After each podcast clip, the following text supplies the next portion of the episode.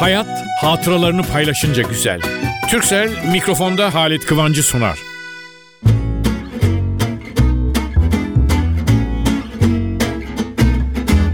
Merhaba sevgili dostlar. Bu hafta hiç sormayın. Halit abiniz, Halit dedeniz bu hafta çok sıkıntılı ve çok mutlu. İkisi bir arada nasıl oluyor? Çünkü benim çok çok eski arşivlerimi döktüm. Aralarında böyle denize atlar gibi atladım. Elim bir kağıda gidiyor, öbür kağıda gidiyor. Ay bir topladım geldim bir Emre'ye dedim ki ya biz bu programa 4-5 sene daha devam edebiliriz Allah ömür verseydim. Aman abi falan aman abisi yok. Oğlum dedim bir daldım. Kaç senelik şeyler 20, 30, 40 ne derseniz her şeyi bir kenara koymuşum fakat öyle şeyler bir de yenileri var. En son geçen hafta çıkan bir gazete kupürünü de kesiyorum. Şimdi diyeceksiniz ki kestiklerini tasnif et sırala bilmem ne. Bazı şeylerde nasıl derler böyle hani birden bile gökten düşme bir şey gibi. Öyle bir olay geliyor. Onu şey diyorsunuz. Şimdi bakın İsveç'in Göteborg kenti yakınlarında geçiyor. Kendi halinde bir insan Camilla Landin ondan sonra süt almak için komşusuna gidiyor. Tarlada, tarla kenarından iki adım yürürüm şuradan diyor. Girerken bir pırıltı görüyor yerde. Bakıyor eğiliyor. Bir harika, güzel bir yüzük. Biraz büyükçe. Merak ediyor falan. O kadar yani böyle meraklı da değil falan derken ne yapılır ona soruyor buna soruyor dert bu müze falan ya müzeyle konuş falan götürüyor. Ya ben yerde bir yüzük buldum kuyumcuya götürüp de al kardeşim ver bunun kaç lira parası diyecektim. Bu işten anlayan biri ya bunu sen götür bunu antikacılara filan falan. Bu müzenin büyük e, yönetmenlerine, ustalarına, uzmanlarına soruyor. Bir tetkik yapıyorlar ki 20 ayar altın olması bir yana Roma dönemi mi ondan sonra sonra yani 2000 en az diyorlar 2000 yıllık. Ya şimdi inanın ben haberi okurken böyle kaldım kendi kimini. Landin götürüyor müzeye. Müze diyor ki yani siz bilirsiniz. Nasıl ben bilirim?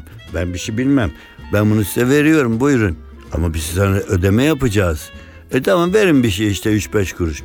Ya bu çok kıymetli. Kıymet biçemiyorlar ama sonunda adamı çok memnun edecek muhteşem bir para veriyorlar.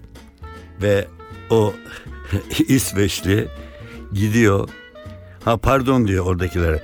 Yalnız bu yüzüğü ben size işte yarın teslim edeyim ya da akşamüstü. Niye diyorlar? Çünkü gideceğim diyor. Kuyumcuya göstereceğim. Bunun gibi bugünkü şartlarla bana bir yüzük yapsınlar. Onu parmağıma takayım herkese göstereyim diyor. Diyorlar ki valla bu kadın yüzüğü mü erkek mi bilmiyoruz falan ama pek erkek valla olur olmaz hiç olmazsa sorarlar niye sen takıyorsun derler. Ve o kadar hoşuma gitti. O kadar etkisinde kaldım ki şimdi ne yalan söyleyeyim biz bu kadar üstüne durmayız. Adam müze uzmanları falan dolaşıyor. Vallahi öyle şeyler ki insan her gün yeni bir şey duyuyor. Ve onun için ben de diyorum aman dikkatli olun. Ama İsveç'te de yani hatır sayılır bir e, para vermişler. Fakat 2000 yıl önceyi bir düşünün. Düşünüyor musunuz? Sizi düşüncenizle bırakayım biraz da müzik. Emre Bey bir Sezen Aksu dinleyelim biraz.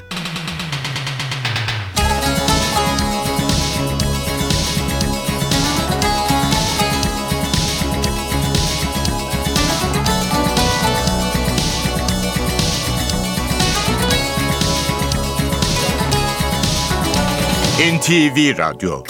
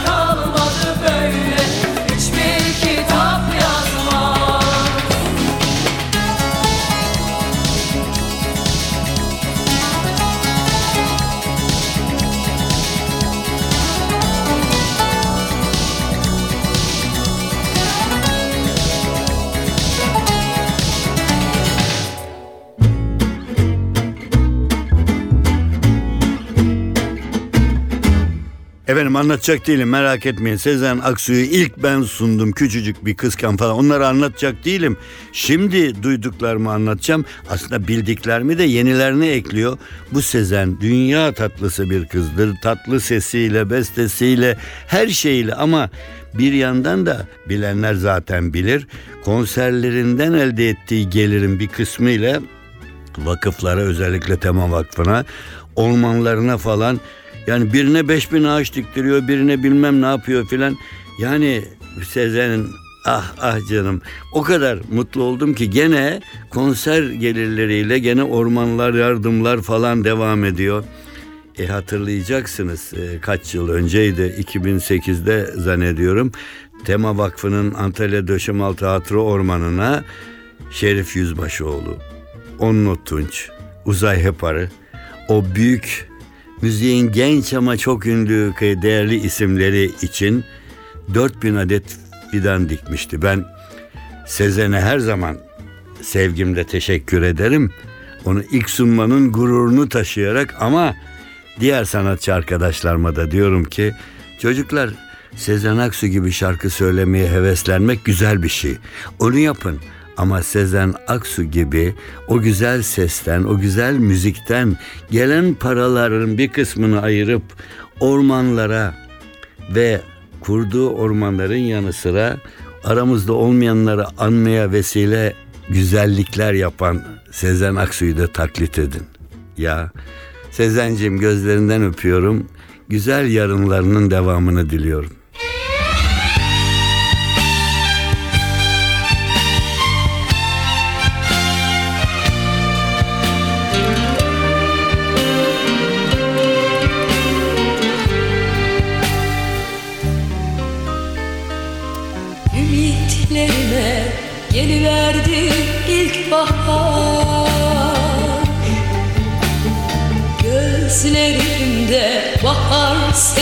Bir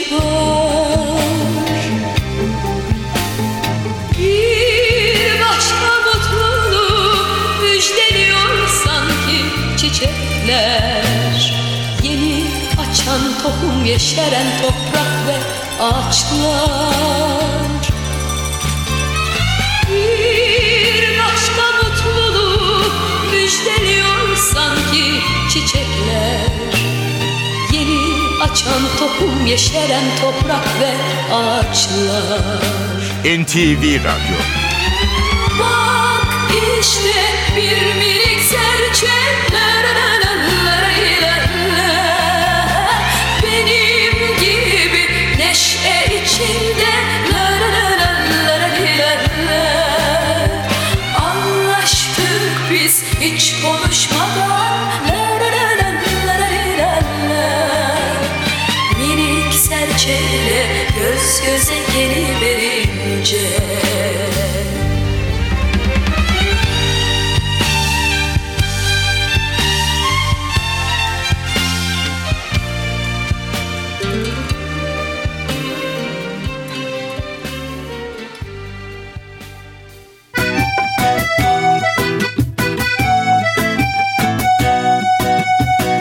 Türkcell'le Halit Kıvanç hatıralarını paylaşıyor. Sevgili dostlarım, her zaman ne diyorum? En büyük sevgilimiz kitap olsun, okumak. Okulda bize o okulda bir şeyler öğrenip hayata hazırlayacak imkanlar var. Bunları kullanıyoruz ve orada kitapları, bilgileri paylaşıyoruz. Öğretmenimiz öğretiyor, kitaplar öğretiyor. Ben onun için kitabı çok severim. Ama kitabın sevgisi beni bir başka yana götürmüştür. Bugünün gençlerine diyorum ki bugünün büyüklerinden, yaşlılarından biri olarak bakın gençler kitap okumak çok güzel. Ama kitabı okuduktan sonra kenara köşeye koymak. Evet kitaplık çok güzel böyle yan yana dizili çok güzel ama o kitabı başkalarına da verip onların da okumasını sağladığınız zaman siz bu güzelliği paylaşmış oluyorsunuz. Onun için kitap paylaşıldığı zaman daha büyük değer kazanır, daha çok kişiye bir şeyler öğretir, daha çok kişiyi mutlu eder. Hayat paylaşınca güzel sözü boşuna söylenmiş değil. Kitabı da okuduktan sonra başkasından paylaşırsanız, hatta kitapta okuduklarınızı anlatarak paylaşırsanız hayatın paylaşınca daha güzel olduğu daha çok meydana çıkar.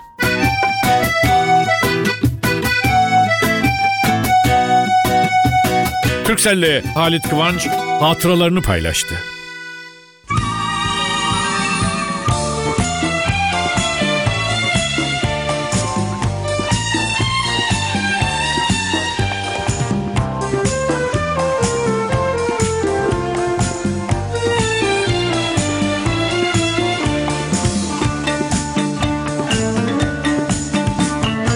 Zincire vurulmuş bir mahkum gibi Aşkının kölesi oldum ne çare? Bir ömre bedeldi adının bir harfi. Hasretin düşürdü beni bu hale. Zincire vurulmuş bir mahkum gibi. Aşkının kölesi oldum ne çare? Bir ömre bedeldi adının bir harfi. Hasretin düşürdü beni bu hale. NTV Radyo Siz bir kuyu gibi karardı dünyam Sensiz hayat nedir ki boş bir virane? Meyhaneler yetmiyor bu gece bana. Ben sana vuruldum deli divane? Siz bir kuyu gibi karardı dünyam Sensiz hayat nedir ki boş bir virane? Meyhaneler yetmiyor bu gece bana ben sana vuruldum deli divane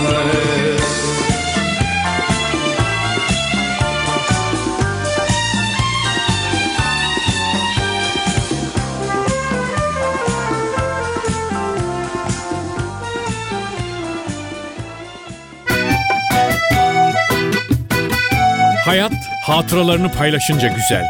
Türkcell'in sunduğu mikrofonda Halit Kıvanç devam ediyor.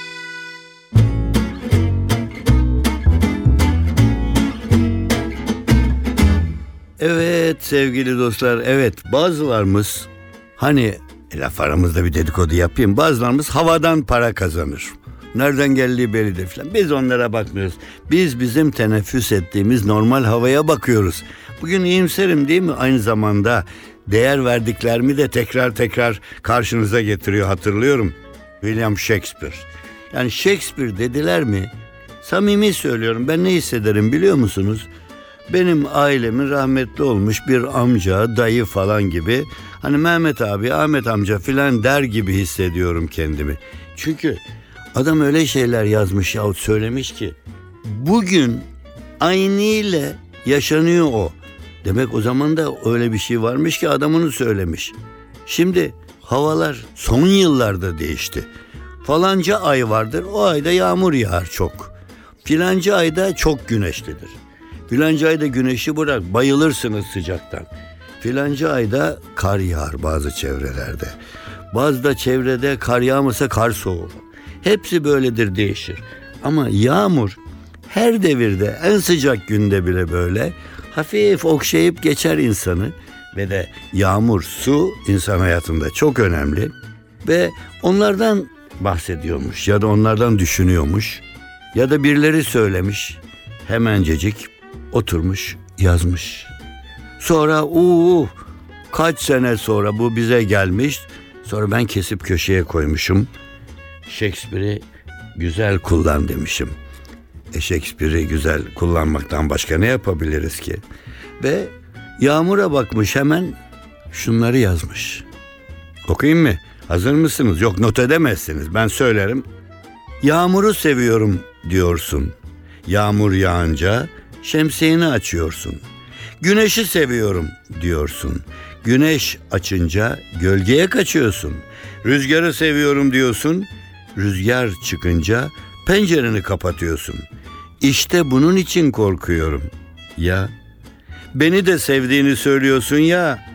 Onun için korkuyorum ya.